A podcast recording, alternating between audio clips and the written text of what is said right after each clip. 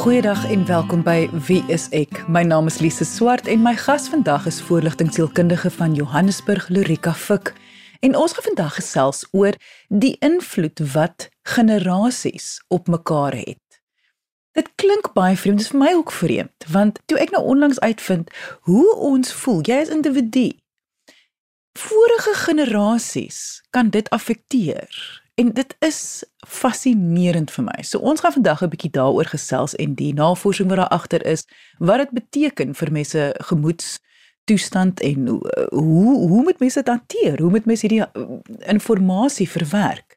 Indien jy enige vrae het, kan jy ons kontak deur ons webwerf gaan na www.wieisek.co.za. Maar kom ons luister nou eers na my gesprek met Lorika Fik oor die effek wat generasies op ons het.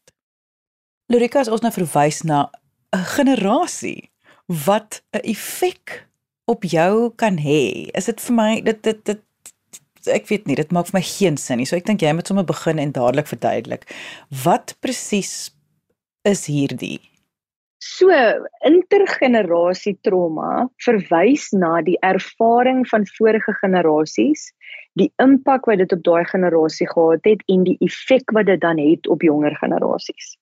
Met ander woorde, as jy dan kyk na kom ons sê die uh, ek wil sê die baby boomer generasie wat gebore is in die in enige jaar tussen 1946 en 1964.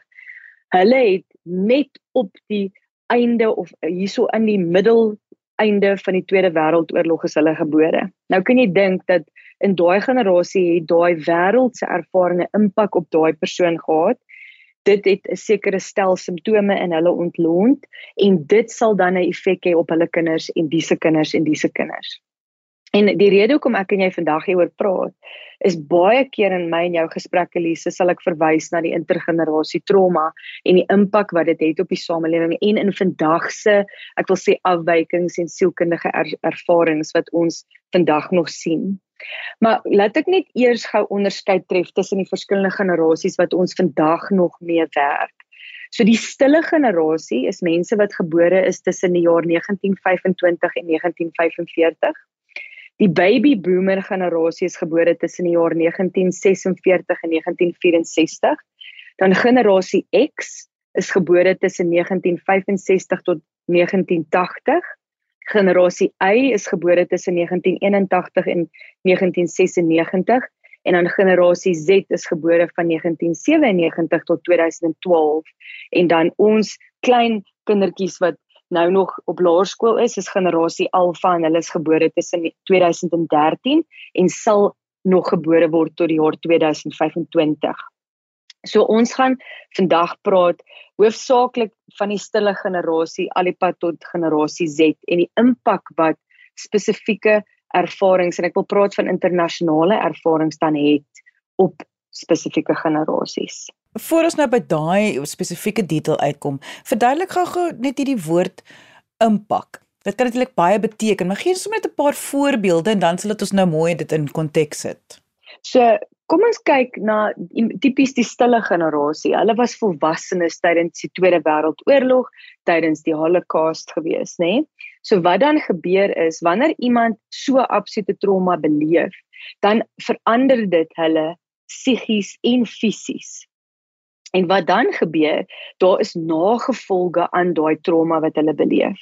So tipies sal jy vind iemand wat deur 'n oorlog geleef het of wat byvoorbeeld in 'n konsentrasiekamp was, hulle sal tipies miskien meer dwelms misbruik, meer alkohol misbruik, meer sukkel met emosionele regulasie, miskien totaal emosioneel afgestomp wees. En wat dan sal gebeur is wanneer hulle kinders groot word in daai omgewing, sal dit tipiese effek en 'n nagevolg hê op daai kind wat groot geword het. Alhoewel hulle nie self in die Tweede Wêreldoorlog geleef het of in 'n konsentrasiekamp was nie moet daai kind uh, ek wil sê beleef hulle die nagevolge van so 'n tipe trauma. Kom ons vat dit verder. Ons kyk byvoorbeeld na die nuwe COVID COVID pandemie wat ons nou mee gesit het. Jy kan dink as jy trauma beleef het in hierdie tyd wat se impak dit op jou eie lewe gaan hê en waar, hoe jou kinders dit dan sal beleef. En selfs die kinders dit beleef. Jy kan dink jy was nou hier in laerskool en hier moet jy met 'n masker skool toe gaan en jy mag nie met 'n maatjie speel pouse nie. Die effek wat dit het op daai kind en dan op daai kind se kind. So dit is wat ek bedoel met effek. Daar's nagevolge aan alles en dan het dit 'n effek op die volgende generasie.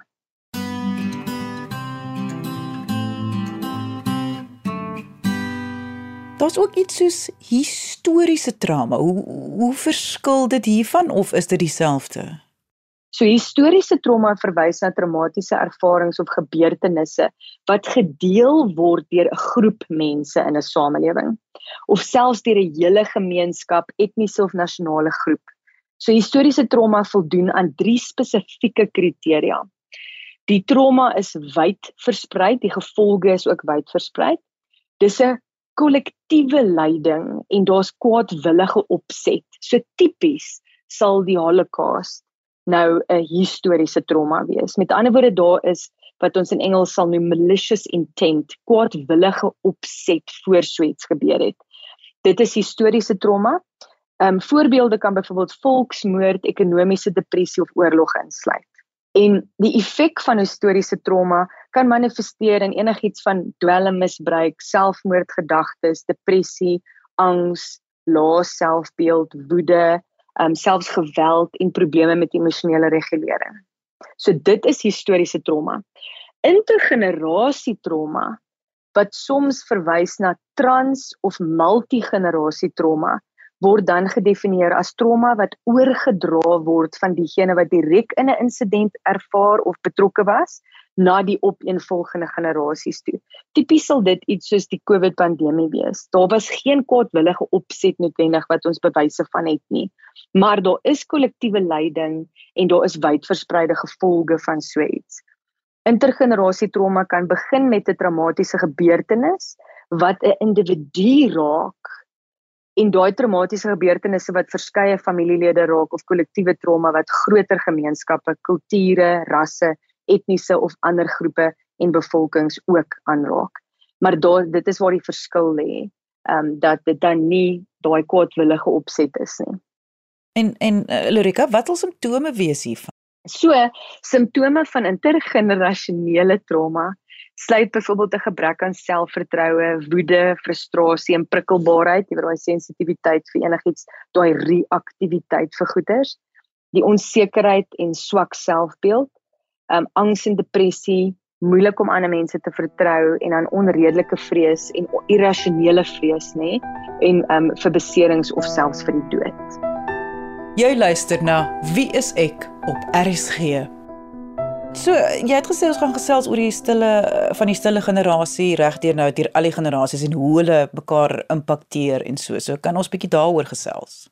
Daar's drie hoofgroepe want jy kan byvoorbeeld tipies die stille generasie en die baby boomer generasie kan jy groepeer want hulle het min of meer dieselfde ervarings gehad. So tipies is die effek wat met daai twee generasies te maak het, is tipies mishandeling. Daar was oorlog, daar was gesinsgeweld, geweld. Daar is 'n uh, PTSD, so dit is jou posttraumatiese stresversteuring, jou diskriminasie en onderdrukking. Jy kan nou dink as jy geonderdruk was, dan om dit uit te balanseer dan is daar baie keer onderdrukking wat dan plaasvind na dit. Daar's baie seksisme vir verskeie redes. Ehm um, vrouens het in daai jare nog steeds baie min regte gehad en kon nie noodwendig gestem hê in in wat moes gebeur nie. En nou kan jy dink hier's 'n man wat nou moes gaan veg vir sy land. Hy word 'n vrou agtergelaat om na die gesin te kyk, maar sy het nie noodwendig die regte wat 'n man het nie. Sy mag byvoorbeeld dalk nie gewerk het nie. Dalk mag sy nie sekere besluite geneem het sonder haar man langs haar nie daai klas van ding so seksisme 'n groot rol gespeel. Immigrasie. Ek seker baie mense het natuurlik gevlug uit lande uit waar die oorlog baie baie swaar was. Dan staan fisiese strawwe werk. Iemand wat byvoorbeeld 'n opgeleide rekenmeester was wat nou skielik in 'n myn moet gaan werk want daar moet kos op die tafel gesit word. En ander dinge soos um, alkoholmisbruik, dwelmafhanklikheid, werkloosheid en natuurrampe. So natuurrampe is gaan natuurlik in meeste van die generasies betrokke wees afhangend net van waar jy woon. So daai is goed wat daai mense in daai spesifieke tyd in hulle lewe mee moes werk en die impak wat dit het op hulle soos wat ek net nou genoem het, die effek daarvan is angs en depressie. Miskien baie moeilik om ander mense te vertrou, daai uh, ek wil sê eksistensiële krisis wat beleef word. Dan kan ons die ons ouers se generasie, die baby boomer en die generasie X kan dan ek wil sê hulle oorvleuel so bietjie. So die effek op dit is dan onderdrukte emosies, die misbruik en um, alkoholmisbruik, mishandeling ook tussen mense, gehegtheidskwessies. So die, as iemand dit graag wil gaan opsoek, moet hulle vra oor attachment issues and attachment styles en jy kry natuurlik probleme om emosies te reguleer, ook baie immigrasie, diskriminasie tussen rasse en en enige seksuele oriëntasies dan isolasie, werksgeoriënteerde ingesteldheid. So tipies mense wat nie kos gehad het om te eet as 'n kind nie, dan 'n behoefte om 'n totale werksverslawing te ontwikkel. Medeafhanklikheid en dan onbehandelde geestesgesondheid. Was dan die effek wat dit gehad het op die baby boomer en generasie X weens die trauma wat die vorige generasies beleef het. En dan die effek wat dit dan gehad het op die nuwe generasie YZ en Alpha is tipies baie strawwe ouer-kind verhoudings, angs, depressie, uitbranding want jy kan nou dink as jy in 'n huis groot geword het met iemand wat 'n werksverslawing het, is die kans baie goed dat jy dit self sal hê en dan uitbrand, giftige verhoudings of toksiese verhoudings, sukkel om kwesbaar te wees met mekaar daar's vertroue probleme. Um daar's hierdie behoefte om goedkeuring te soek en natuurlik identiteitskrisisse.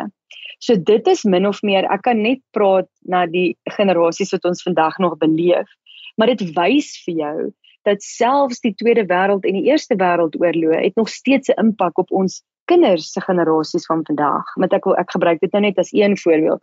Ons kan natuurlik enige ander trauma wat in die laaste 150 jaar plaasgevind het jy kan sien hoe die een trauma die volgende trauma veroorsaak wat dan die volgende trauma veroorsaak wat dan die volgende trauma veroorsaak. Lorika, soos jy praat, verstaan ek dit reg. Wat jy vir ons sê is ouerskapstyle is eintlik 'n tipe styl en dit is 'n styl wat beïnvloed word deur 'n ouer se ouers en 'n ouer se ouer se ouer se ouers en so verander die styl wat ons sien maar net as 'n as 'n 'n trend, 'n styl van ouers. Is eintlik waarvan ons praat hier is die effek elke keer sonder dat ons bewus is daarvan. Verander ons ons ouerskapstyle en dit affekteer dan die volgende generasie. Presies. Weet jy die hoofdoel van vandag se gesprek is om mense aan te moedig om meer empatie te ontwikkel vir die ouer generasies en om kennis op te doen en te verstaan hoekom het my ouers gedoen wat hulle gedoen het. Kom ons gaan vind bietjie uit. Kom ons gaan kyk wat se ervaring het hulle as kind gehad.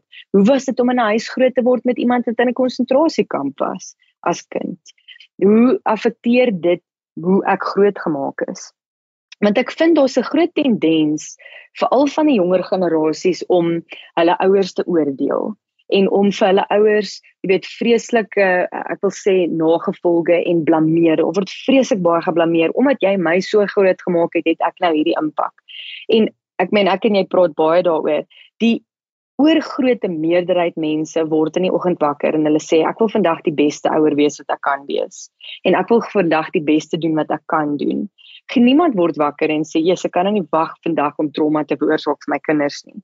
Dit werk net nie so nie.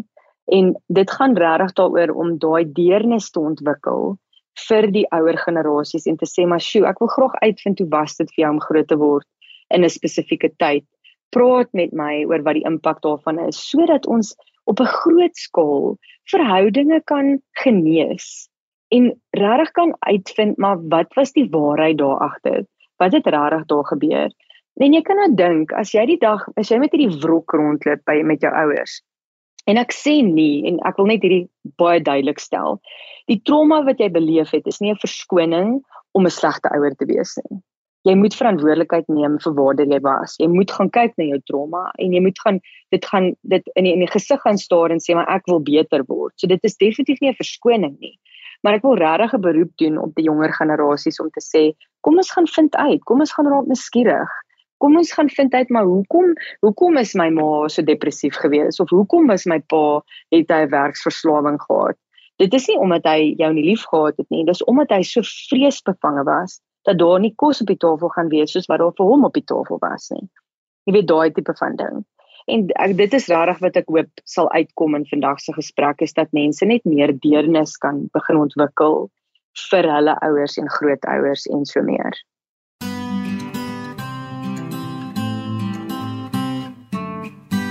Ek dink ons moet opsommend net gou gesels dat ons net weer verstaan hoekom ons moet ons ouers verstaan of ons grootouers moet verstaan.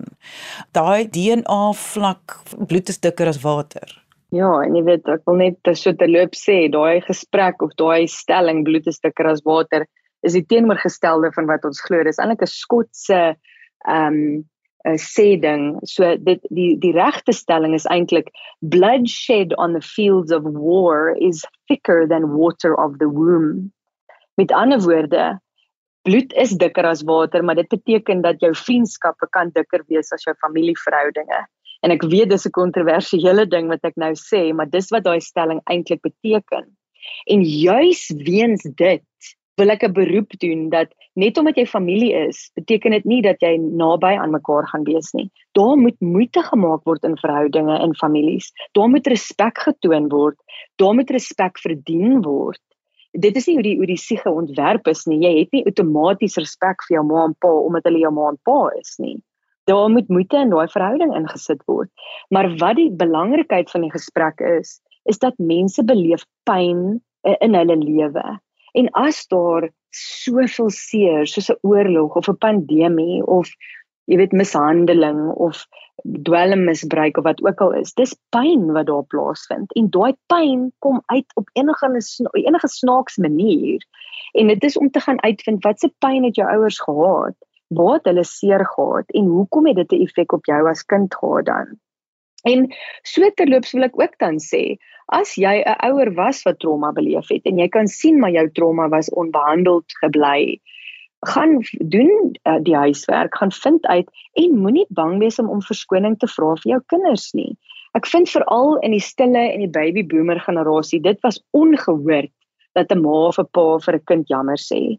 Maar die heling, die gesond word wanneer 'n ouer vir 'n kind kan jammer sê, Julle, ek word sommer bewoe as ek daaraan dink.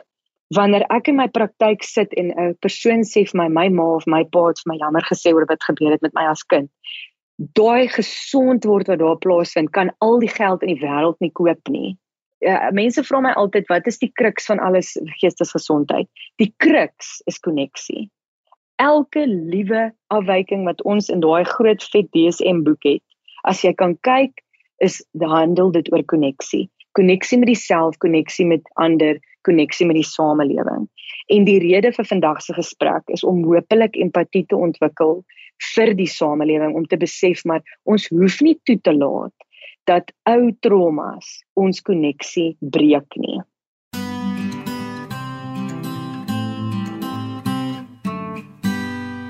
Kom ons gesels net gou 'n bietjie oor eh, die jonger generasies. En wat jy vroeër gesê het, dis baie interessant want die navorsing wys vir ons die jonger generasies is meer geneig om ouers af te skryf.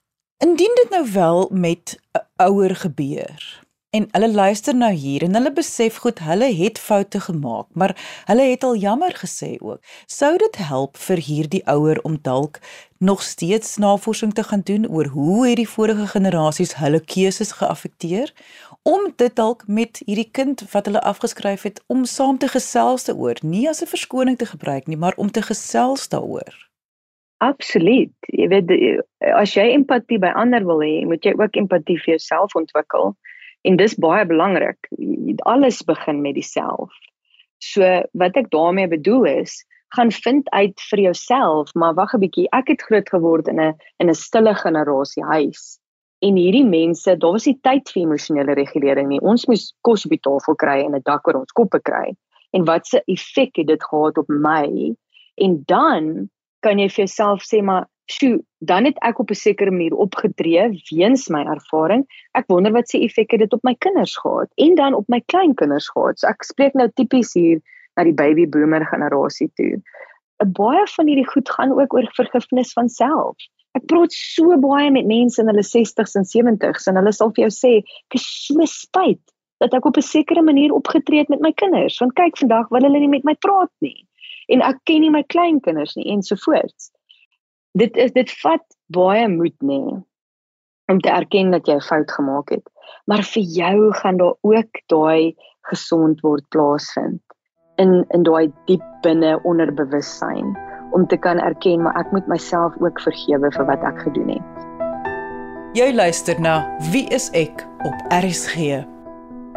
Mense wie se ouers in 'n nou oorlede is en daar gaan nie 'n jammer in woorde wees nie. Hierdie kan tog ook eh, 'n uh, groot rol speel in in in die proses uh, uh van erkenning en herkenning en alles om om die navorsing te doen en te leer en te alles van die van jou ouers en hulle generasies en hulle ouers en so ek dink baie aan die tyd wat ek palliatiewe sorg gedoen het vir mense. So basies het uh, pasiënte hospitaal toe gekom om te kom doodgaan vir verskeie redes en verskeie siektes wat hulle gehad het.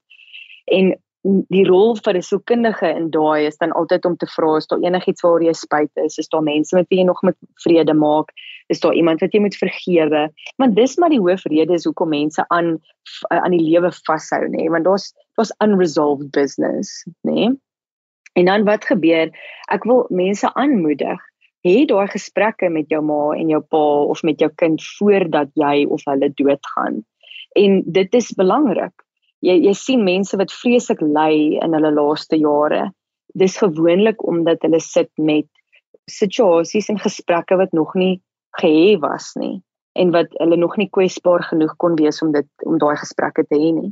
Maar vir die mense wat se ouers reeds oorlede is, gaan doen huiswerk, gaan vind uit by ander familielede of miskien is daar briewe of joernale of iets wat geskryf was wat vir jou insig kan gee oor hoekom jou ouer opgetree het soos wat hulle het en gedoen het wat hulle het.